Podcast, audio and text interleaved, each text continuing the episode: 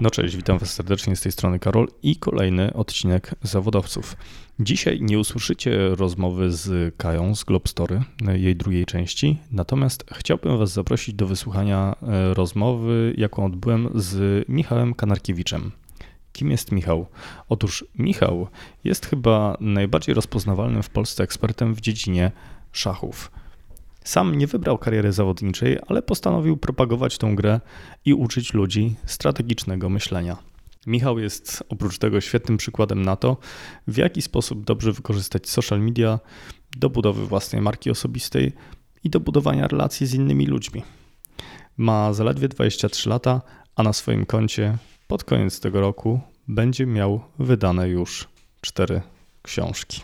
Zapraszam Was serdecznie, Michał Kanarkiewicz. Szach mat.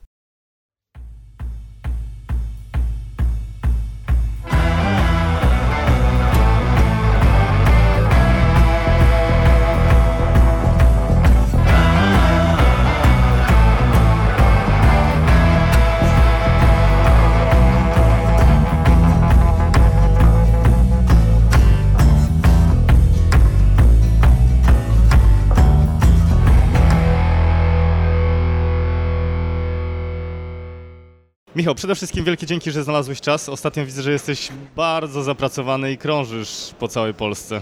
No rzeczywiście tak. Bardzo dziękuję za zaproszenie. Miło mi.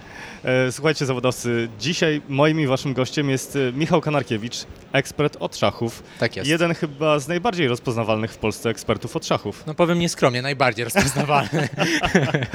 Gratuluję Michał, bo to jest Dziękuję. zasługa twojej ciężkiej pracy, o którą też chciałbym ciebie e, Jasno, zapraszam. zapytać. E, Michał, zacznijmy od tego w ogóle. Mhm. Jakbyś miał wytłumaczyć sześciolatkowi, e, czym są szachy, Mhm. to co byś powiedział? E, No, po pierwsze e, starałbym się znaleźć wspólny język, czyli bo, bo dla, dla, dla różnych dzieci są e, różny język może być, ale naj, przyjmijmy, że to miałby być dla chłopca, który lubi się bawić żołnierzykami, bo tak, tacy są często, lubią się bawić żołnierzykami. No to bym powiedział, że szachy są taką e, wojną e, i teraz może to być wojna mała albo wojna duża, w zależności od tego, jak, ja- jaki język pod jakie konkretne dziecko byśmy używali tutaj. Idąc dalej, e, gdybyś miał nie użyć słowa wojna, to na czym szachy polegają? E, No, szachy to gra strategiczna. Szachy to gra strategiczna, ale nie wiem, czy dziecko by zrozumiało, co to jest gra strategiczna, więc tutaj, wiesz, to takie... Ale Dlatego, wiesz gra planszowa, gra planszowa. Mm, będę drążył dalej ciebie. Jasne. Bo chciałbym, żebyś e, wytłumaczył w sposób najba najbardziej prosty z możliwych, o co tak naprawdę chodzi w szachach. No w szachach chodzi o to, żeby zamatować króla, kropka. Mhm. Czyli sprawić, żeby król e, nie miał em, ucieczki i jednocześnie, żeby był atakowany. I to jest koniec partii. Jasne. Skąd szachy wzięły się w twoim życiu? Szachy mi pokazał kuzyn, e, kiedy miałem lat no 10-11. Pierwsze wzmianki, mo- może bardziej 10, wtedy miałem pierwsze takie wzmianki szachowe, a rozpocząłem grę w turnieju właśnie w wieku dzie- 10-11 lat. Jak wyglądała ta twoja przygoda z turniejami? E, Pierwszy turniej zagrałem taki szkolny typowo em, i na ten turniej zostałem zaproszony przez nauczyciela WF-u. Znaczy zaproszony, po prostu była informacja, że jest turniej szachowy w szkole i bardzo, bardzo chciałem w nim wziąć udział, bo gra w szachy po właśnie po rozgrywkach z moim kuzynem bardzo mi się spodobała i chciałem wygrać turniej szkolny, żeby pójść na zawody międzyszkolne. Mhm. No i w tym turnieju byłem chyba drugie miejsce zająłem w tym szkolnym, no i pojechałem na rozgrywki międzyszkolne. Tak, Jak tak potem też- się potoczyła twoja historia zawodnicza taka? E, znaczy dość szybko poszedłem do takiego powiedzmy mini klubu szachowego w moim mieście, e, w którym mieszkałem, czyli w Wejherowie. E, Tam trafiłem na e, trenera, który rzeczywiście był bardzo znaczy, dobrym szachistą, który, który pomógł mi rozwijać mój szachowy talent, szczególnie na tych początkowych etapach. No i po kolei e, wspinałem się szczebel po szczebelku i po pół roku już byłem w e, bardziej profesjonalnym, takim naj, jednym z najbardziej profesjonalnych klubów na Pomorzu, czyli w, w Korcarzu Gdynia. I tam już miałem dostęp do, do naprawdę zawodników, e, do czołowych zawodników na, na wybrzeżu, więc też było mi po prostu łatwiej się rozwijać. Także to było bardzo szybko. Przeszedłem drogę od powiedzmy takiego pasjonata domowego do, za- do młodego juniora, który e, zaczął trenować no, powiedzmy profesjonalnie w szachy w klubie szachowym. Mhm. I do jakiego momentu doszedłeś? Bo teraz, y, czy teraz jesteś aktywnym y, zawodnikiem, czy Jasne, to jest dobre pytanie. Od roku nie jestem aktywnym zawodnikiem, ale tak naprawdę to już nie jestem aktywnym zawodnikiem od jakichś 6-7 lat. E, co mam na myśli, e, co się działo między tym przez ostatnie 6-7 lat? Grywałem, ale już bez takich przygotowań jak kiedyś, jak byłem juniorem i co więcej też bez takich szybkich postępów, jak, byłem, jak kiedyś, gdy byłem juniorem. Po prostu u mnie stały się priorytetowe inne rzeczy, pewnie o nich później sobie porozmawiamy, e, natomiast na teraz, na ten moment to powiem, że po prostu do 16 roku życia grałem w szachy w miarę zawodowo jako junior, bardzo profesjonalnie, ale mhm. później już ta moja ścieżka troszeczkę się e, e, takiego zawodowego szachisty rozjechała, bo po prostu musiałem podejmować decyzje E, które, w które w zamyśle miało mi pomóc e, żyć taki na co dzień, no bo trzeba z czegoś żyć i zawodowa gra w szachy nie jest jakimś takim bardzo intratnym e, zajęciem, w dużym uproszczeniu mówiąc. Więc ja tak naprawdę od, od roku już sobie powiedziałem w ubiegłym roku, w 2017, że, że stop z graniem. Raz na jakiś czas coś zagram, najczęściej w internecie, ale ogólnie zaprzestałem gry w szachy, bo po prostu ona jest wymagająca czasowo, bo to wymaga dużo, dużej inwestycji czasowej. Mówisz o treningu? E, tak, treningu, ale też turnieje są po prostu dosyć długo trwają, e, a po drugie e, po prostu nie mam na to przestrzeni czasowej. Zbyt dużo się dzieje innych rzeczy, dla mnie w tej chwili priorytetowych, bo kiedyś szachy były priorytetem, rozwój szachowy, teraz inne rzeczy są dla mnie priorytetem i muszę po prostu wybierać, bo to nie chodzi o to, że nie mam czasu, tylko priorytety się zmieniły. Pewnie. A jak wyglądała Twoja edukacja? Skończyłeś liceum? Poszedłeś na studia? Jak Jasne. E, skończyłem liceum zgodnie z planem i poszedłem na studia. Do, do dziś te studia zmieniałem wielokrotnie, na różnych uczelniach byłem. E, wciąż studiuję, e, w tej chwili na dwóch kierunkach, na pedagogice i na psychologii. I te dwa kierunki robię. Pierwszy się wziął z tego, że uczyłem gry w szachy od samego początku, więc w kontekście kwalifikacji zawodowych no na pewno jest to może nie tyle niezbędne, co przydatne. Jeśli chcesz kogoś uczyć, to pedagogika jest nauką o uczeniu innych w dużym uproszczeniu. No i psychologia, czyli nauka o tym, jak radzić sobie z emocjami, która to na pewno jest potrzebna już nie tylko w uczeniu innych, ale też w takim moim codziennym życiu. Wydaje mi się, że dzięki wiedzy psychologicznej jest mi po prostu w życiu łatwiej. E, natomiast ja zaczynałem w ogóle od studiów z informatyki i od studiów drugi kierunek to było zarządzanie, więc przechodziłem przez bardzo różne, miałem historię przez chwilę, więc tych, tych Historię też studiowałeś? Te, przez chwilę, przez chwilę, przez jeden rok, zaliczyłem rok, ale zrezygnowałem, bo to po prostu nie było coś dla mnie. E, różne, różne, rzeczy studiowałem I, i tak naprawdę studia są takim dla mnie bardzo ciekawym obszarem rozmów, do dyskusji, bo e, ja sobie na początku nie wyobrażałem sobie tego, żeby na przykład zrezygnować ze studiów z jakiegoś kierunku. No bo w końcu presja taka społeczna i też z rodziny no, no mówi o tym, że jakby nie można zrezygnować ze studiów, bo jest to stratą czasu. A ja po konsultacjach ze z moimi takimi znajomymi, doświadczonymi przedsiębiorcami, e, mentorami i osobami, które mnie inspirują, doszedłem do, doszedłem do takiego wniosku, że to raczej umiejętność zrezygnowania ze studiów i podjęcia czegoś innego jest większą, trzeba się wykazać większą odwagą niż przy kontynuacji, bo przy kontynuacji po prostu kontynuujesz, bo, bo wypada, a przy rezygnacji ze studiów no, to jest trudna decyzja, bo musisz się tak naprawdę zmierzyć z wieloma opiniami, czy niekiedy mhm. nieprzychylnymi innych osób. Ja też się z takimi zmierzam, ale w tej chwili już ludzie wiedzą, że ja potrafię zmienić nawet kierunek, e, mógłbym nawet w tej chwili rzucić, gdyby mi się coś nie spodobało i, i stwierdziłbym, że, że coś innego chcę robić, bo e, studia według mnie e, są etapem ważnym, ale nie najważniejszym w tym etapie, w tym momencie dorastania. I mo, moje Szczególnie w tych czasach. Tak, i moim skromnym zdaniem jest tak, że nie warto, albo inaczej, rzadko kiedy warto stawiać studia na pierwszym miejscu, nawet mając lat 19, bo ukończenie pięcioletnich studiów w tej chwili niczego nie gwarantuje. Chyba, że ukończysz studia prawnicze albo studia medyczne, to znaczy, jest tak, w też zupełnie... W tym kontekście jakby to oczywiście masz rację, że w tych dwóch przypadkach, czyli e, prawnik albo medycyna, czyli w dużym uproszczeniu lekarz, no to tam rzeczywiście te, te kwalifikacje są potrzebne, ale z drugiej strony ja też mam znajomych, którzy studiują te kierunki, no i umówmy się, tam trzeba około 10 lat studiów plus praktyki, żeby zarabiać, e, no powiedzmy, sensowne pieniądze, a żeby zarabiać mhm. jakieś bardzo dobre, to trzeba 20 lat od momentu licząc rozpoczęcia tej swojej kariery. Plus minus 20, 15, 20. No, ja sobie pomyślałem, kurczę, no ja nie wiem, czy ja tyle przeżyję. Po drugie, nie lubię akurat prawa ani medycyny, jakby nie są to moje obszary zainteresowań, takich e, eksplorowania, więc w ogóle o mnie to odpadało. Natomiast nawet gdyby tak było, że byłoby to dla mnie interesujące, to myślę, że trochę kurczę długo. Ja mhm. jestem, mimo tego, że jestem szachistą i wydaje mi się, że ten, e, e, umiejętność e, koncentracji i bycia cierpliwym mam wyćwiczoną na w miarę sensownym poziomie, to jednak nie byłbym na tyle cierpliwy, żeby poczekać 15 lat na efekty. Ja jestem w stanie poczekać najczęściej kilka miesięcy i tak niekiedy nie jestem w stanie nawet tyle wyczekać, a myślę, że pokolenie Z, YZ nie wytrzyma kilku tygodni bez, bez efektów. No rzeczywiście ta zmiana pokoleniowa, która następuje, ona zmienia wszystko. Następuje. Dokładnie. E, No dobrze, to e, powiedz Michał, e, czym się w takim razie teraz zajmujesz? Z- W jednym, w jednym zdaniu bym powiedział, że zajmuję się e, propagowaniem, e, promowaniem gry w szachy. W jednym słowie bym powiedział, że szachami. A w kilku zdaniach to bym powiedział, że zajmuję się szachami w ujęciu edukacyjnym i biznesowym, szczególnie w biznesowym w ostatnim czasie, czyli w dużym uproszczeniu, żeby też nie, nie, nie, rozciągać tego w czasie, nie rozwadniać, e, to w, w biznesie e, pokazuję w jaki sposób można nauczyć się myślenia strategicznego i, i to robię podczas prelekcji, eventów, szkoleń, warsztatów, a w kontekście edukacyjnym to mocno zabiegam o to, żeby szachy były dostępne w każdej e, polskiej e, placówce edukacyjnej. Na ile to jest możliwe, na tyle działam, żeby to tak rzeczywiście było.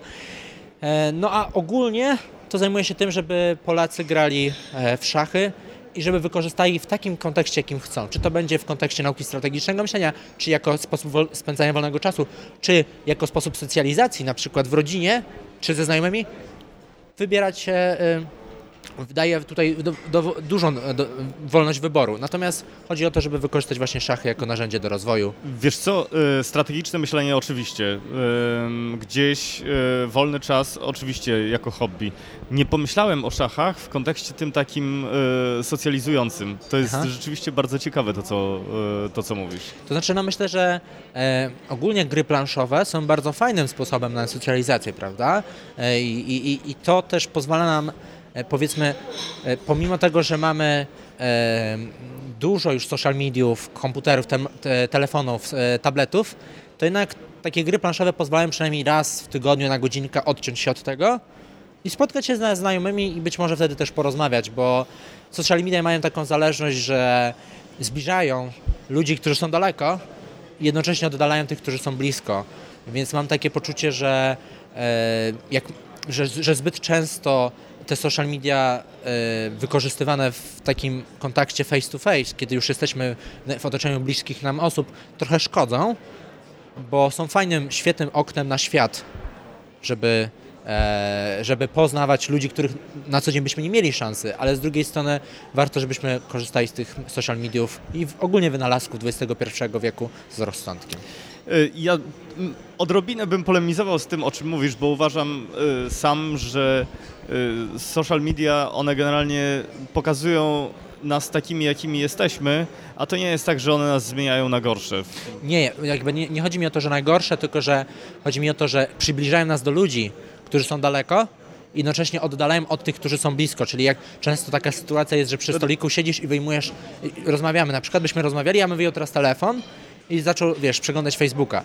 No ale Rozumiesz? słuchaj, y, pamiętasz takie scenki sprzed kilku czy kilkunastu lat, kiedy jeszcze social mediów nie było, kiedy dwie osoby siedziały w restauracji i wcale ze sobą nie rozmawiały, wiesz. Znaczy, ja powiem tak, em, wydaje mi się, że tych rozmów w tej chwili jest mniej i ja przynajmniej staram się od jakiegoś czasu dbać o to, że kiedy z kimś się spotykam face to face, to na tyle, na ile to jest możliwe, żeby mój telefon był e, w trybie samolotowym, po prostu. I wydaje mi się, że, że może to nie jest tak, że to jest droga dla wszystkich, ale myślę, że to jest droga, która szanuje naszego rozmówcę takiego face to face. Bo oczywiście ja rozumiem, że niekiedy trzeba odebrać telefon, napisać SMS-a. Ja to rozumiem wszystko. Natomiast myślę, że to poszło na tyle szybko i szczególnie właśnie pokolenie YZ e, no, spotyka się z kimś face to face i, i wyciąga telefon. Naturalnie. I tak, tak, tak, tak, tak, także ja, tak ja to widzę. Co to znaczy to strategiczne myślenie w szachach?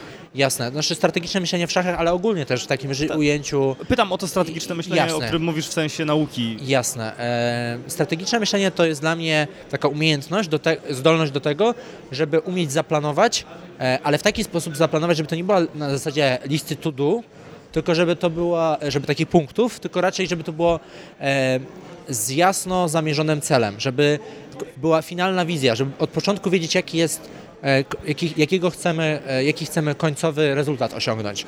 E, I po drugie, żeby żeby ta, te strategiczne myślenie prowadziło nas krok po kroku, żeby ten plan był podzielony na kroki i żeby były też list, takie punkty kontrolne, check-iny, żebyśmy mogli sobie też weryfikować siebie po drodze. No a nade wszystko, żeby to strategiczne myślenie nas, nam dawało efekty. Mhm. Bo niekiedy, e, a, a, nawet ostatnio coraz częściej spotykam się z takim e, planowaniem, żeby planować, ale ono nie daje efektów. A moim zdaniem planowanie i ogólnie narzędzia, które są e, które, które zajmują się i które służą do planowania, do wyznaczania celów, mają przede wszystkim taką funkcję, że mają nam dawać efekty. I efekty, mhm. efekty, efekty. Jeśli nie ma wyniku, coś poszło nie tak. A znasz takie narzędzia, które uznajesz za dobre i za skuteczne? Poza szachami oczywiście, poza szachami. Bo słuchaj, no szachy y, uczą takiej metodologii, tak? Tak.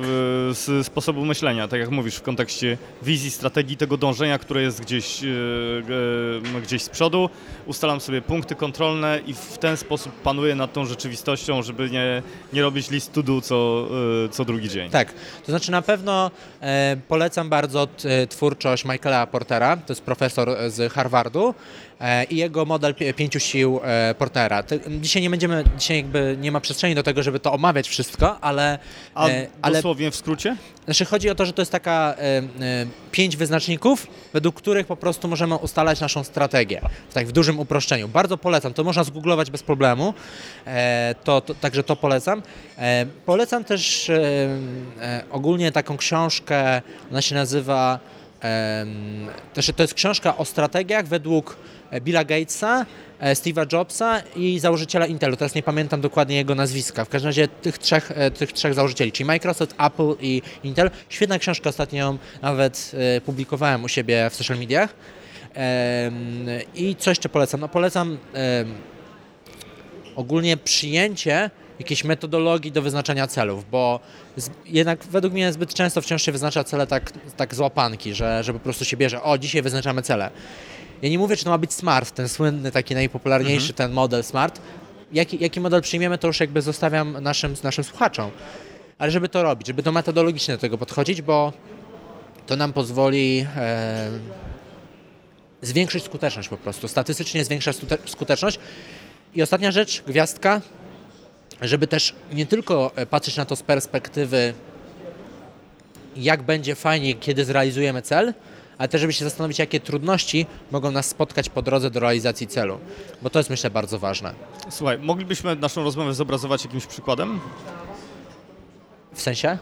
Yy, mówiąc o strategii, o tworzeniu tej wizji i o takim planowaniu, mhm. gdybyś yy, mógł sięgnąć pamięcią do jakiegoś fajnego takiego przykładu planowania celu, strategizowania, tak żeby wiesz, w, w plastyczny sposób o tym opowiedzieć. Jasne. Znaczy myślę, że tutaj e, ciekawą, e, ciekawym przykładem niezastosowania strategii, i to będzie bardzo jaskrawy przykład, jest e, firma Nokia. W okolicach 2007 roku Nokia była producentem dominującym rynek telefonów komórkowych. Wtedy też, mniej więcej w tych latach 2007-2008, Apple e, przygotowywało pierwszego, e, pierwszego e, iPhone'a. W sensie no, w tych latach mniej więcej była ta, ta, ta, te pierwsze podejścia do smartfonów z jednym przyciskiem, prawda? I większość osób uważa na świecie, że to Apple jako pierwsze stworzyło smartfona. To jest zupełnie nieprawdą, dlatego że to Nokia już ponad, czy kilka miesięcy wcześniej e, miało przygotowany e, telefon właśnie e, tego typu jak e, iPhone, natomiast e, brak, brak, żeby bali się wypuścić ten, ten, ten, ten, ten, ten, ten telefon, e, ponieważ jakby nie wiedzieli jeszcze do końca, jakie będą tego efekty i skutki, a przede wszystkim wydawało się Noki, zarządowi Noki, że ludzie jeszcze nie chcą tego, że jeszcze nie są gotowi. Jak się okazało, no, y, Apple pokazało, że zdecydowanie ludzie są gotowi na, na, na telefon e, z jednym przyciskiem, na, na smartfon. klawiaturę na ekranie. Tak, tak, na klawiaturę na ekranie. i Nokia z, odnotowała drastyczny spadek. No w tej chwili e, mamy 2018 rok i to są granice 3 do 5% według, według różnych szacunków. Oni spadli kilkukrotnie, polecieli z, z branży. E, z, Nawet chyba kilkudziesięciokrotnie, przecież no, Tak, tak, oni mieli... Nokia to była hegemonia na dobrą tak, sprawę. Tak, oni mieli według też różnych szacunków, bo tu oczywiście są bardzo różne te szacunki, ale e, wydaje mi się, że takie najbardziej prawdopodobne to są między 40 a, a 50% oni mieli w 2007-2008. Są też takie, które dają tam 60 i ta, takie, które dają 30. Wydaje mi się, że najbardziej prawdopodobne jest około Zresztą, 30 40 Michał, no daleko szukać, umówmy się. Y, pamiętasz telefony Ericssona? No tak. Alcatela, tak. Nokia to był całkowicie inny rynek. Na, Zupełnie. Te, te, teraz... Ja miałem sam Nokia, więc wiesz. No, ze dwa modele co najmniej miałem Dokładnie. telefonu Nokia. Um, ja bym Cię drążył tutaj w, w kierunku takiego przykładu, jak strategizować i w jaki sposób, bo dla mnie takie hasło, o którym mówisz na zasadzie stwórzmy sobie cel ten, który chcę e, osiągnąć, e, zróbmy jakąś listę, jest takie bardzo ogólnikowe. A chciałbym, e, żebyśmy pokazali na naszym słuchaczom, Jasne. w jaki sposób mogą to zrobić, bo nie wiem, czy się ze mną zgodzisz, Michał, ale czasami ludzie mają problem właśnie z tym określeniem nawet tego głównego celu. Okej, okay. y jasne. Myślę, że to jest dobrze i fajnie, że to dociskasz, ten temat. Myślę, że dla, nas, dla naszych słuchaczy będzie to interesujące. No to tak, może powiem e, z perspektywy mm, szachisty, w jaki sposób my podchodzimy do budowania strategii. Super. I e, myślę, że takim punktem wyjściowym nie tylko dla szachów, ale ogólnie dla jakiego, jakiegokolwiek celu w życiu jest to słynne pytanie dlaczego. Czyli warto rozpocząć, to jest taki punkt pierwszy, który można by sobie spokojnie zapisać, e, że zadajmy sobie pytanie dlaczego chcemy zrobić to, co chcemy zrobić. Bo bardzo często, jak się okazuje, Dlaczego na poziomie mentalnym, tak, finansowym? Tak, na każdym poziomie ludzkim. trzeba to sobie określić, dlaczego chcemy coś zrobić. Bo jak się okazuje, po takiej analizie, po tym jednym prostym pytaniu wychodzi, że, nie, że czasem być może to nie jest coś, co chcemy zrobić. Być może to nie ma takiej, takiego potencjału, jak nam się wydawało wcześniej, że ma, bo tylko sobie wyobrażaliśmy, a nie rzeczywiście jakby a nie sprawdzaliśmy, nie, wery- nie weryfikowaliśmy. No i w końcu po trzecie, bo czasem jest tak, że to dlaczego pozwala nam odkryć błękitny ocean i e, Blue Ocean Strategy na pewno taką książkę e, kojarzysz, a myślę, że też część naszych słuchaczy będzie kojarzyć. Jeśli nie, to bardzo polecam. Strategia Błękitnego Oceanu. I Blue Ocean Strategy polega na tym, że szukamy sobie takiego miejsca, gdzie jeszcze nikogo nie ma i zagospodarujemy je, bo w czerwonych oceanach, czyli tam, gdzie jest wiele, wiele, wiele ryb i wiele wielorybów, no to jest trudno e, jakby konkurować, bez bardzo wysoka rywalizacja, a na Błękitnym Oceanie jesteś sam, albo, e, albo ewentualnie jest kilka tylko osób, więc warto e, rozpocząć od dlaczego, bo być może się okaże, że po takiej analizie znajdziemy jakiś błękitny ocean i warto po prostu tam pójść. To jest pierwszy punkt, który bym bardzo polecał, czyli rozpoczęcie od pytania, przepraszam, dlaczego. Po drugie, co, co bym bardzo polecał też, to określenie jasnej wizji końca. Czyli to jest to, o czym mówi Kowej, e, rozpoczęcie z wizją końca.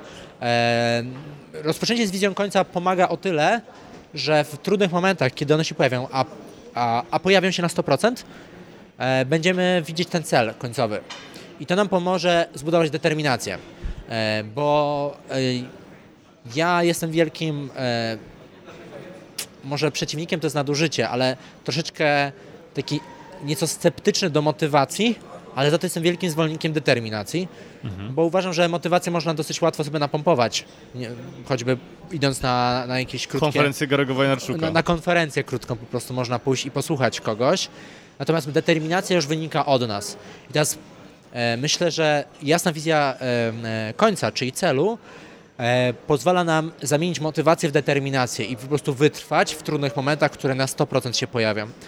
Punkt trzeci, no to proponuję, żeby do, te, do tej jasnej wizji końca zbudować e, listę kroków, tylko troszeczkę inaczej niż to się zwykle robi. Bo zwykle to się robi tak, że e, robi się krok pierwszy, krok drugi, krok trzeci i tam wiesz do kroku, nie wiem, 98.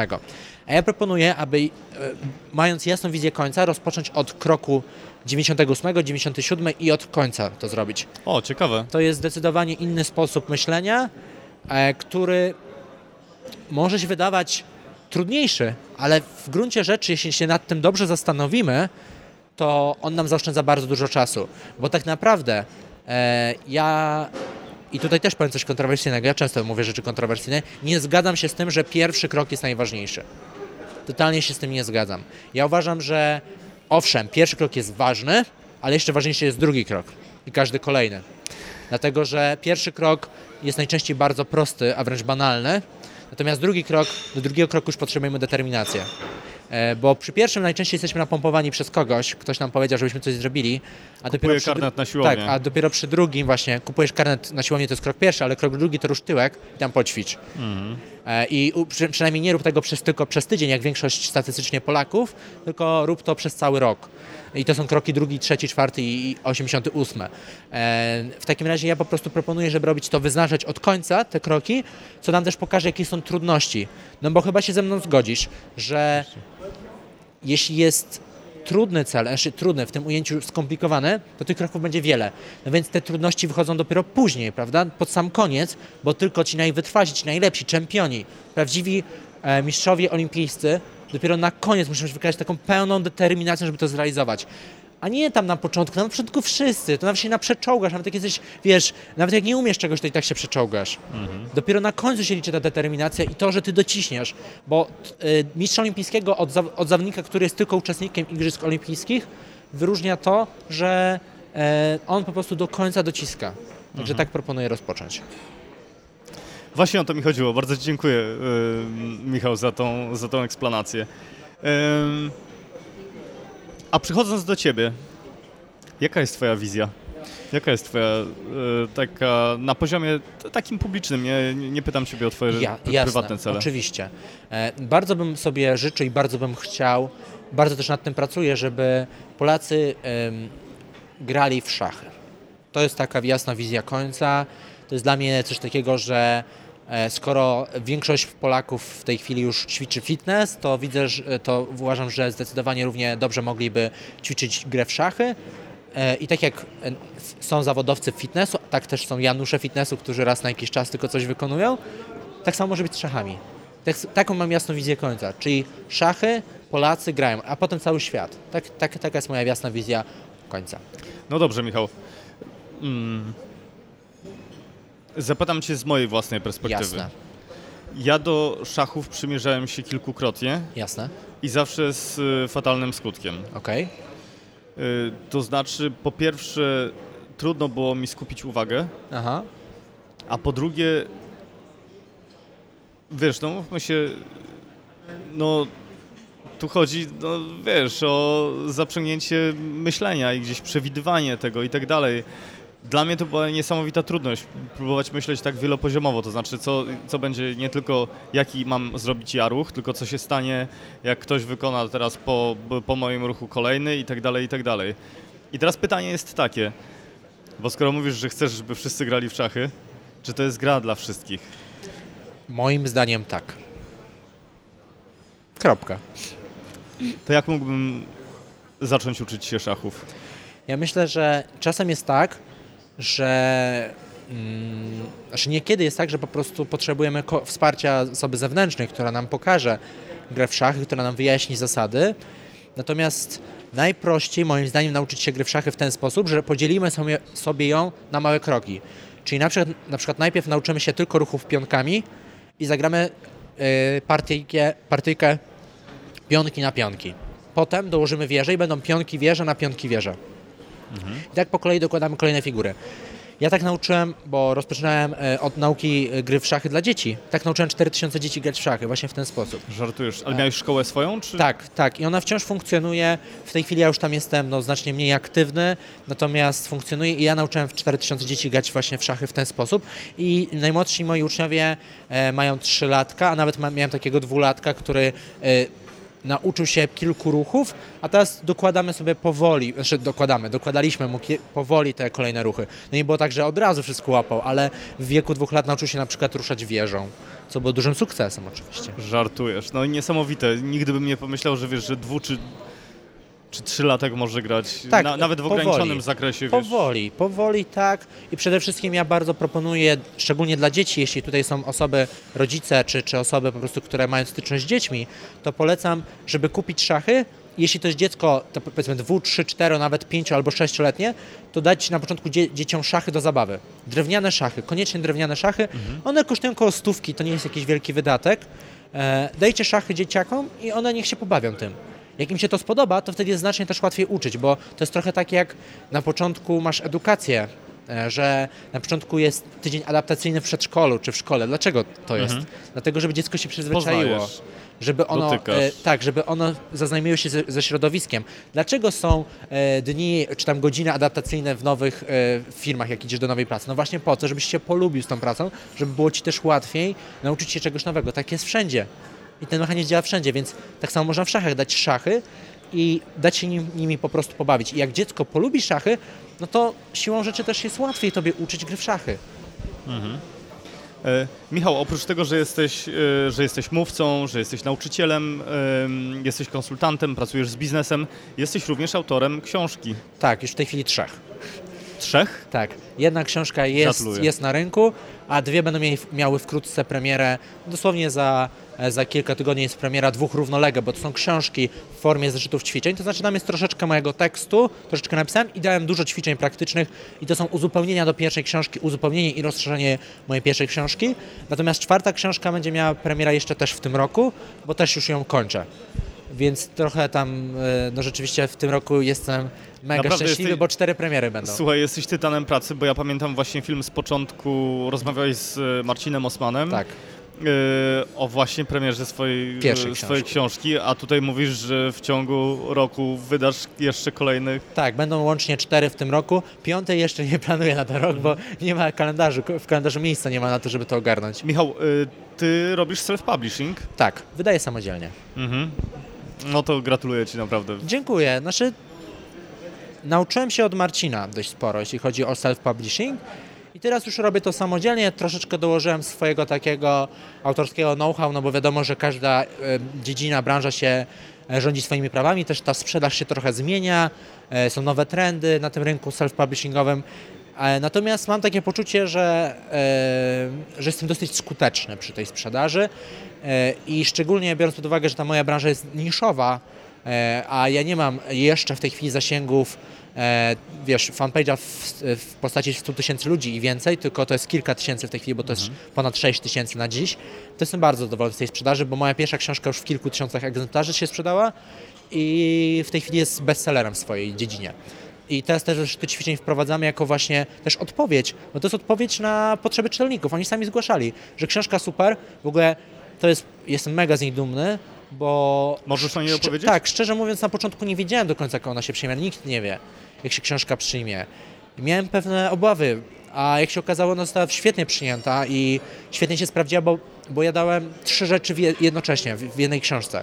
Dałem rozdział o tym, o moich doświadczeniach w pracy e, z dziećmi, z dorosłymi, jak ja uczę. Daliśmy rozdział psychologiczny, czyli o tym, w jaki sposób z punktu widzenia psychologii sportu uczyć gry w szachy. I po trzecie daliśmy rozdział praktyczny, czyli w sensie moduł praktyczny, gra w szachy, czyli trzy w jednym, czyli jakby ktoś kupował tak naprawdę trzy poradniki w jednym, w cenie jednej książki. I to się fajnie sprawdziła, ta, ta formuła. To jest książka, e, lekcja strategii, jak rozwijać dzieci poprzez naukę gry w szachy i to jest podręcznik dla rodziców i nauczycieli, ale ogólnie można powiedzieć, że to jest książka dla dorosłych, książka, która pomaga od zera do rozpoczęcia pierwszej partii szachowej. Po prostu zakładamy, że tak jak ty na przykład nie potrafisz grać w szachy, taką książkę dostajesz i z tej książki bez problemu się nauczysz gry w szachy. Wiesz, jak y, słucham cię opowiadającego o tej książce, to w głowie przychodzą mi już różne pomysły, ile różnych książek można napisać konfrontując szachy z innymi tematami, w sensie z życiem, z biznesem i tak dalej, także tak. mam nadzieję, że będziesz, będziesz autorem tych Jeszcze po, tytułów. Powiem Ci tak, że rzeczywiście czwarta książka będzie dotyczyła strategii. Już nie będzie typowo szachową, mhm. więc tak jak mówisz, rzeczywiście w kontekst ubrana. E, mam takie poczucie, że rzeczywiście można w wiele kontekstów. Co więcej, e, tych propozycji e, moich pomysłów, ale też pomysłów z zewnątrz, który, ludzi, którzy do mnie przychodzą, żeby napisać wspólnie książkę, jest bardzo dużo. Ja dostaję ich mnóstwo w tej chwili. Więc myślę, że będą kolejne publikacje. Ja się też cieszę z, jej, z, ich jakości, bo, bo rzeczywiście tempo jest zabójcze, bardzo szybkie, ale też jakość jest wysoka i e, powiem tak, że z każdej książki na każdą, na każdą kolejną też się uczę nowych rzeczy przy książkach i mam takie, e, też taki cel, żeby każda moja książka następna była ale jeszcze lepsza. I e, no, to, że w tym roku e, zrobiłem ich cztery, to jest super wynik, bardzo wymagające to, to było. E, natomiast mam też w sobie dużo pokory do tego, że też jak publikujesz już kolejną publikację, w sensie kolejną książkę piszesz, to też oczekiwania czytelników są coraz większe. Jeszcze nie oczekują coraz większej po prostu jakości. Przy pierwsza książka mi się obroniła zdecydowanie i jestem mega z tego dumny. Spodziewałem się, że będzie, e, że nie będzie, że nie aż tak, inaczej, nie sądziłem, że aż tak dobrze będzie przyjęta, a została przyjęta znacznie lepiej niż ja sądziłem. Ale czy to nie jest trochę tak, yy, Michał, że znalazłeś taki swój błękitny ocean właśnie? Na pewno, na pewno książka e, Strategia Błękitnego Oceanu, którą przeczytałem półtorej roku temu, bardzo mi pomogła. E, I ja w tym kierunku po prostu mocno poszedłem. I ja tak naprawdę w tej chwili tylko tworzę w błękitnych oceanach. Nie, nie tworzę gdziekolwiek, gdzie, jak się pojawia jakaś taka, powiedzmy, dziedzina, w której miałbym konkurować, to, to raczej nawet nie w to nie wchodzę, bo e, nie chodzi o to, że ja się boję rywalizacji, bo rywalizacji też jestem trochę rywalizacyjny, więc tutaj podjąć rywalizację jestem w stanie. Tylko bardziej trochę szkoda mi energii i mhm. czasu. Bez sensu. To w jakich jeszcze obszarach działasz? No, szachy w, ujęciu takim rozwojowym i szachy w ujęciu strategicznym w tej chwili. To są takie moje dwa błękitne oceany. Tak, tak, tak, tak. Tutaj w obydwu przypadkach byłem pierwszy, y, no i w związku z tym też najlepszy, no bo pierwszy wbiłem flagę na szczyt. E, no i jednocześnie też stawiam bardzo wysokie, e, bardzo wysoki próg wejścia. Czyli stawiam wysokie warunki, żeby ktoś mógł jakby skopi... Jakby ktoś chciał powtórzyć moje wyniki, moje wyniki, to musiałby się bardzo nagimnastykować. Czyli na przykład jak wszedłem do branży szachowej, pokazałem szachy jako narzędzie do rozwoju dzieci, a nie w ujęciu takim sportowym, to od razu zrobiłem książkę, drugą, teraz trzecią, zrobiłem e, bloga, zrobiłem podcasty, zrobiłem szybko dużo konferencji, więc jak ktoś na przykład chciałby wejść w moje buty... Zaraz, zaraz. E, masz swój kanał podcastowy? E, prowadzę podcast, e, wideo, wi, wideokast i podcast, w sensie mam jedno i drugie. Wrzucam na iTunesa i na YouTube'a. To powiem Ci, że y, muszę przyznać, że to przegapiłem. Spoko, ja w ostatnim czasie przez wakacje mhm. nie publikowałem żadnego materiału, chociaż w tej chwili e, u mnie wiszą pięć chyba wywiadów do opublikowania. Mhm. E, natomiast przed wakacjami, do wakacji inaczej, miałem 10 odcinków i tam miałem gości głównie z świata rozwoju osobistego i u mnie gośćmi byli, były takie osoby jak, e, jak Jakub Bebączek, jak Jacek Walkiewicz, e, Magda Pawłowska, e, Sylwia Królikowska, Piotrek Bucki, Michał Bajorek. Takie osoby miałem u siebie jako gości właśnie i bardzo jestem dumny z tego, bo to rzeczywiście Naturalnie. są fajne nazwiska w tej, w, tej, w tej branży i fajną wiedzą się dzielili. Do tego wrócę wkrótce, bo mam materiały kolejne gotowe. Także, także tak. Także no, Powiem tak, postawiłem wysoką barierę dla osób, które by chciały to y, ewentualnie skopiować, bo powiem już na, na 100%. Ja nie jestem głupi, ja wiem, że będą tacy ludzie, którzy będą chcieli, zawsze się tacy znajdują. E, natomiast y, y, ta książka też, Strategia Błękitnego Oceanu i inne książki nauczą mnie tego, że jeśli postawię wysokie bariery wejścia, no to po pierwsze bardzo wiele osób się zniechęci, żeby w ogóle podejmować taki trud, a po drugie, jak już podejmą to wyzwanie, to ja zobaczę, ja cały czas powiększam swoją przewagę. Cały czas to, jest, to, jest, to jest takie gonienie. No dobrze, to ustaliliśmy już, że robisz e, naprawdę wiele, żeby ustalić wysoko ten, e, ten próg wejścia. Tak. Możesz zdradzić, czy robisz wszystko sam, czy posiłkujesz się? Jasne. E, wiesz co, w większości sam, ale od jakiegoś czasu, jeśli chodzi o montaż wideo, współpracuję z różnymi osobami, w zależności od materiału, ale to różne osoby, dwie, trzy osoby. I, i czy to Weronika, czy Łukasz ze mną współpracują. To też często mam tak, że, znaczy często, mam, mam już tak, że mam, e, jak potrzebuję szybko coś zrobić, to mam w Krakowie mam w Warszawie i mam w mhm. Gdańsku. Trzy różne osoby, do których dzwonię i następnego dnia nagrywamy coś. Jeśli pod warunkiem, że powiedzmy mają czas. I ostatnio tak była taka akcja, że w Krakowie nagrywałem w czwartek. Powiedziałem, że masz 12 godzin na zmontowanie materiału i dostałem materiał zmontowany. Mhm. Takie były, bo ja często potrzebuję materiału na wczoraj. W sensie e, Masz pomysł i od razu go realizujesz. Od tak? razu, nie ma w ogóle, nie ma czegoś takiego, że mnie coś będzie czekać. To, e, to jest taka zasada, którą ja się nauczyłem z książki Filozofia Hustle, hustling e, w amerykańskim jest takim ciśnięciem. E, I w filozofii hustle jedną z naczelnych zasad jest to, że jak masz pomysł jakiś nowy na coś, to w ciągu 10 minut musisz wykonać pierwszy krok do jego realizacji. Jeśli nie wykonasz, to pomysł został spalony. Ale, ale, ale. Rozmawialiśmy o tym, że nie pierwszy krok jest ważny, tak, tylko ten drugi, co o, potem. Dokładnie tak, ale chodzi mi o to, że pierwszy, e, pierwszą czynność, żeby ją wykonać, żeby nie odkładać na później, żeby nie mhm. czekać. Oczywiście wiadomo, że tam są kolejne kroki, tak? I nie mówię, że to jest najważniejsze, ale rzecz jest tym, że trzeba wykonać ten pierwszy krok, że od razu jak mi się pojawia pomysł, nawet jak to jest w nocy, to ja piszę maila do kogoś w nocy.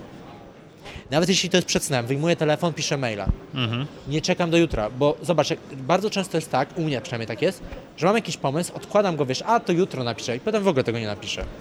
Bez sensu. Wiesz co, słucham Ciebie, patrzę, obserwuję Cię, e, Michał, i się zastanawiam, czy Polska to nie za mało dla Ciebie? Rzeczywiście jest tak, że chciałbym, żeby ten mój brand był międzynarodowy, natomiast mam też takie poczucie, że e, mam tu swoją misję do wykonania w Polsce i najbliższe, najbliższy czas chcę w pełni spożytkować na to, żeby zbudować tutaj brand bardzo mocny. On już jest w tej chwili bardzo mocny, bo wydaje mi się, że dość sporo osób już wie, że jak szachy to do mnie, i to o to mi chodziło. Natomiast rzeczywiście jest tak, że w przyszłości, i to nie, wcale nie takie dalekie, chcę budować brand międzynarodowy. Mhm. Szczególnie Michał, że to, co osiągnąłeś, osiągnąłeś na dobrą sprawę w ciągu niecałego roku, prawda? Tak, w przeciągu roku zrobiłem większość rzeczy, o których rozmawialiśmy. A jak długo przygotowywałeś się do tego? W ogóle. W sensie po prostu robiłem. Bo rzeczywiście o to często mnie ludzie pytają. Jeśli nie, yy, znaczy, oczywiście są rzeczy, do których ja się muszę przygotować. No, wystąpienie na, na TEDzie na przykład, tak? Mhm. Czy, czy nie wiem, wykłady na MBA-u, czy nie wiem, pisanie książki. Wszystko praca. Mhm. Ale większość rzeczy to jest jazda. Nie ma czekania. Znaczy ja po prostu patrzę na to trochę tak, że życie jest zbyt krótkie mhm. na czekanie. Nie ma idealnych momentów. Więc y, ja po prostu też mi się bardzo to podoba, co mówi e, Richard Branson, że e, jeśli dostajesz propozycję, która ci się podoba, ale nie jesteś jeszcze gotowy na nią, żeby ją zrobić, to powiedz tak i się naucz tego. Więc y, ja po prostu przyjmuję i, i robię. I na, za każdym razem staram się, żeby to było dobrze zrobione. I nawet jeśli czasami jest tak, e, szczególnie kiedyś było tak, że brakowało mi trochę kompetencji, to nadrabiałem taką, e, tak, taką determinacją, sercem i ludzie, nawet jeśli ja miałem uchybienia, na przykład przy wystąpieniach publicznych, to ludzie doceniali to, że ja walczę tam, w sensie, że daję z siebie i widać, że gość, taki Michał Kanariewicz walczy na tej scenie, żeby było jak najlepiej i dba o to, żeby tym ludziom było dobrze. Nawet jeśli nie byłem najlepszym speakerem obiektywnie, to subiektywnie oni czuli, w podświadomości, że, że ten gość daje z siebie wszystko. A teraz przychodzić to z łatwością. Z coraz większą, większą łatwością. łatwością. Z dużo większą łatwością, wiesz, e, cały czas pracuję, bo e, wystąpienia publiczne rzeczywiście, no mam ich w tej chwili wysyp, ogromny, ogromnie dużo, więc postanowiłem, że trzeba nad nimi pracować. Dlatego też sobie zatrudniłem trenera Piotrka e, Budzkiego, z którym e, na co dzień współpracuję. Współpracuję też z innymi trenerami, którzy mi pomagają ulepszać te wystąpienia, bo mam też takie zdanie, że z jednej strony wystartuj z jakość, w sensie po prostu jakość to będzie, wystartuj, a z drugiej strony jak najszybciej osiągnij jakość bo ludzie na początku będą ci bić brawo i ci będą kibicować, ale mhm. potem też wymagają już jakości. Więc y, zgadzam się z tym, że warto wystartować i wziąć na klaty, nawet jeśli nie jesteśmy obiektywnie gotowi na coś, a z drugiej strony jak już to bierzemy, to kurczę, to bierzemy za to, to odpowiedzialność i zróbmy to jak najlepiej i za każdym razem jeszcze lepiej. A tak kto ja jest twoim widzę. mentorem? Wspominałeś, że, y, że miewałeś mentorów i, i masz mentorów. Jasne. E, to jest fajne pytanie. E, dla mnie e, takim najważniejszym mentorem w życiu, i ja to mówię zawsze i wszędzie, jest moja mama. I w najbliższym czasie nie przewiduję, żeby to się zmieniło. Moja mama, która mnie nauczyła tego, żeby zawsze walczyć o swoje marzenia i żeby się nigdy nie poddawać. Mm, I chyba też tego, żeby nie tracić nadziei, nawet jeśli jest trudno, bo dzieciństwo moje nie było usłane różami, więc na pewno mama. Natomiast poza mamą, bo to jest taka moja kategoria, powiedzmy, taki, taka moja ikona kultu, powiedzmy, e, to poza mamą z takich mentorów, których e, nasi słuchacze też mogą znać, to na pewno dużo się nauczyłem w ostatnim czasie od Jakuba Bebączka, bardzo dużo się od niego nauczyłem. Też mam przyjemność się spotykać osobiście z Kubą, więc to jest dla mnie bardzo wartościowe, bo on mnie dużo uczy. Czego Cię nauczył przede wszystkim? E, w ostatnim czasie nauczyłem się od niego, jak lepiej pracować nad książką. Po drugie, jak tworzyć ekosystem produktów, a nie tylko pojedyncze produkty i teraz to wdrażam i widzę, że są efekty coraz lepsze. I po trzecie, Kuba też mnie nauczył, może inaczej, pokazał mi kilka rzeczy, które mogę poprawić w wystąpieniach publicznych. Mhm. Także to są takie trzy konkretne bardzo rzeczy. E, kolejna taka osoba, od której też się dużo nauczyłem, to jest e, Sylwia Królikowska. E, od Sylwii się nauczyłem tego, że psychologia jest bardzo potrzebna w życiu i ona mnie bardzo wiele rzeczy takich typowo z psychologii nauczyła. Nie musiałem czytać książek, żeby się nauczyć wiedzy psychologicznej. E, I też mi pokazała warsztat pracy szkoleniowca, takiego typowo szkoleniowca e, w korporacjach i od niej się szybko tego nauczyłem. E, Pomagają mi też takie osoby właśnie jak Piotrek Bucki, jak wspomniałem, właśnie przy wystąpieniach publicznych, Leszek Badurowicz, który napisał rozdział do mojej pierwszej książki. To jest osoba, która bardzo mnie wspiera. No i chyba jeszcze bym wspomniał o jednej jeszcze osobie, takiej, która mi daje bardzo dużo, może nie tyle uczy mnie wiele rzeczy, ale daje wsparcie, to, to Aneta Opała, to, to jest osoba, która mi uczy takiego treningu mentalnego, żeby sobie trochę lepiej radzić z trudnościami i, i to mi pomaga bardzo w trudnych momentach. Oczywiście tych osób jest więcej, które mnie inspirują i pewnie bym, wiesz, musiał wymieniać, wiesz, tutaj e, dziesiątki osób, których ja przeczytałem. Wiesz, Steve Jobs też mnie inspiruje. Inspiruje mnie Jacek Walkiewicz. Tych osób byłoby dziesiątki, ale myślę, że te kilka osób, które wymieniłem, to są takie osoby, które nie tylko mnie inspirują, nie tylko które są moimi mentorami, ale też takie, które są ze mną bliżej na co dzień. Bo to jest dla mnie takie ważne, żeby, że mam z nimi po prostu kontakt. Ale to jest tak, że poznałeś je w trakcie swojej drogi, czy znalazłeś, czy szukałeś z nimi kontaktu? Jasne. E, wszystkich poznałem po drodze. Natomiast no, nie będę tutaj mydlił oczu naszym słuchaczom, że, że to było tak, że oni przyszli do mnie i powiedzieli: Hej, Michał, pomogę ci. Nie do końca. No. Wszystkie, chyba wszystkie z tych kontaktów, które wymieniłem, były może poza Anetą, opałą, bo to było tak równolegle, ale poza tym wszystkie były inicjowane przeze mnie.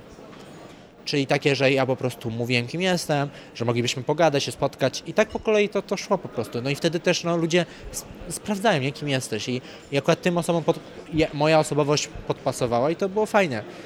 Natomiast to, była na początku moja duża chęć i też taka potrzeba, aby ludzi takich sobie znaleźć, żeby e, też zmienić otoczenie. Bo otoczenie, z, z którym ja wyszedłem ze szkoły, to nie jest otoczenie właśnie tego typu takie biznesowe, tylko raczej otoczenie studentów, tak? Bo moi rówieśnicy w głównie, w, inaczej w większości w tej chwili są, wiesz, na powiedzmy czwartym, piątym roku studiów. Michał, jest- ile masz lat? 23. To jest też super, wiesz, robić studia. Ja tego nie neguję, tylko po prostu to jest inny etap. Wiesz, kiedy ja rozmawiam z moimi rówieśnikami, to oni w większości myślą o tym, jak zdać egzamin. Podczas... I to też jest okej, tylko i po prostu ja patrzę na to z perspektywy, że egzamin, hej, ja mam 50 innych rzeczy w tej chwili do roboty, a egzamin to jest 58 lista na, w sensie 58 punkt na liście do zrobienia na, na sobotę, tak? E, więc to jest tylko, wiesz, element do odhaczenia tak naprawdę. E, przy czym nie neguję studiów. No, studia są potrzebne i niekiedy są też konieczne po prostu. Natomiast po prostu u mnie inne są priorytety. Także kiedy rozmawiam po prostu z rówieśnikami, to nasze, nie, brakuje nam trochę tematów wspólnych, bo ja mówię innym językiem. Ja mówię inną mapą. Ja nie mówię mapą pod tytułem ukończmy studia, tylko mówię mapą pod tytułem za 2-3 lata chcę wyjść jako, jako brand międzynarodowy. Podczas gdy te moi rówieśnicy, koledzy i koleżanki, bardzo fajni ludzie, sympatyczni na co dzień, oso- prywatnie super ludzie, eee, oni myślą o tym, co- jaką pracę pierwszą będą znajdywać. Prostu Inny etap, inny etap. No ale każdy ma prawo do wyboru swojej własnej ścieżki. Oczywiście To... i to jest super. Ja wiesz, ja mega tym ludziom kibicuję. Często też, jeśli mogę, to, to dzielę się moją radą, co można zrobić, bo oni mnie też o to pytają. Tylko ja po prostu zacząłem w wieku 16 lat cisnąć, a nie w wieku 20 kilku. Kapitalnie. Em, mam pytanie, jak się pisze książkę? Matko. Bo napisałeś ich cztery w tym roku, także yy, zakładam, że masz jakiś fajny sposób, którym może mógłbyś się podzielić. Aha, e, znaczy u mnie e, nie mam takiej metodologii, że na przykład, e, bo są takie osoby, które piszą na przykład godzinę rano, e, Hemingway coś takiego mówi, że o 5 rano dwie godziny, e, czy tam o 6, nieważne. E, są osoby, które piszą e, trzy SMS-y dziennie i z tego sklecają przez 30 dni ro, rozdziały. Są różne metodologie. Ja wyznaję metodologię pod tytułem piszę kiedy chcę, ale tak na poważnie to piszę często w nocy. Wtedy najwię, największy mam flow i jednocześnie też mam, e, mówiąc wprost, ciszę i spokój. Ale wychodzisz od, yy, od ogółu do szczegółu? W jaki sposób planowałeś tą, tą książkę? Wiesz co, pierwsza książka była ty- typowym takim, e, po prostu ja chciałem bardzo, bardzo, bardzo się podzielić z ludźmi tym, co mam do powiedzenia. E, W kolejnych książkach już tak bardziej trochę metodologicznie pod tytułem e, wiem jaki jest cel końcowy, wiem jakie są typy zadań do zrealizowania i po prostu stworzyłem do tego zadania i, i, i, i też treści. Więc e, ja rozpoczynam, może to będzie taka konkretna odpowiedź, bo nie chciałbym, żeby to było, żeby było jakieś wodolejstwo, wiesz, rozwadnianie odpowiedzi, że rozpoczynam od, na pewno rozpoczynam od celu książki. Czyli jaki cel książka ma, ale nie tylko książka w tym ujęciu, że ta książka zmieni świat, to jest jedna część medalu, ale jaki cel ma dla mnie. Czyli ja się zastanawiam z perspektywy czytelnika, jaki książka, książka ma mieć cel dla czytelnika, ale też dla mnie, bo ja po prostu staram się tak zrobić, aby książka jednocześnie była wartościowa dla czytelnika, ale też żeby spełniała moje cele. No i wiesz, w przypadku pierwszej książki celem było to, że dla czytelnika e, książka jest przewodnikiem e, od zera do pierwszej partii szachowej, czyli od zera do szachisty, Tak. A dla mnie cel był taki, że zacząłem budowanie, świadome budowanie marki osobistej, plus jest to moja e, wizytówka, którą kilka tysięcy osób ma w domu i chętnie ją pokazują innym osobom, więc mam wizytówkę podawaną dalej, a nie wrzucaną do śmietnika. Eee, I po trzecie, no siłą rzeczy też to generuje mi pieniądze. Więc ja miałem swoje cele, czytelnik i to jest, to chodzi o to, że cele czytelnika są, myślę, ciutkę ważniejsze niż mój cel, bo w tym ujęciu, że dostarczam wartość czytelnikom, dlatego oni ją czytają i polecają dalej, ale moje cele są też ważne, dlatego że pozwalają mi wytrwać przy pisaniu książki i przy jej promowaniu. Bo gdyby było tak, jak w większości e, deali, w których e, autorzy się idą na deal z wydawnictwem, że masz kilka procent, kilkanaście maksymalnie e, od sprzedaży netto książki, to twój interes przy promowaniu jej jest taki, że dostaniesz fakturę raz na kwartał na kilkaset złotych. Udałoby Ci się to wszystko bez social media? Bez social mediów? Sprzedać książkę? W ogóle wszystko to, co robisz. Nie, nie. Bez szans. To uważam, że totalnie bez szans. Nie ma takiej siły w tej chwili, która by mogła równoważyć social media. Nie ma, po prostu. Wszystko to, co mam w tej chwili, albo inaczej, większość z tego, co mam, wynika z social mediów, bo nawet jeśli dostawałem polecenie z konferencji na konferencję, to na tej pierwszej konferencji byłem dzięki social media. Pewnie. E, Michał, gdzie możemy Cię znaleźć w sieci? Na Facebooku zapraszam, Michał Kanarkiewicz. E, Na moich dwóch blogach. Jeden, który jest poświęcony e, takim e, typowo biznesowi, czyli www.kanarkiewicz.pl, jak moje nazwisko.pl i drugi, który jest poświęcony edukacji szachowej, czyli takie informacje o grze w szachy, ciekawostki, tego typu rzeczy, to www.nauczycielszachów.pl No i bardzo też zachęcam do, do, do, do dodania mnie na, do sieci na LinkedInie. Na LinkedInie też jestem bardzo aktywny. Wiem.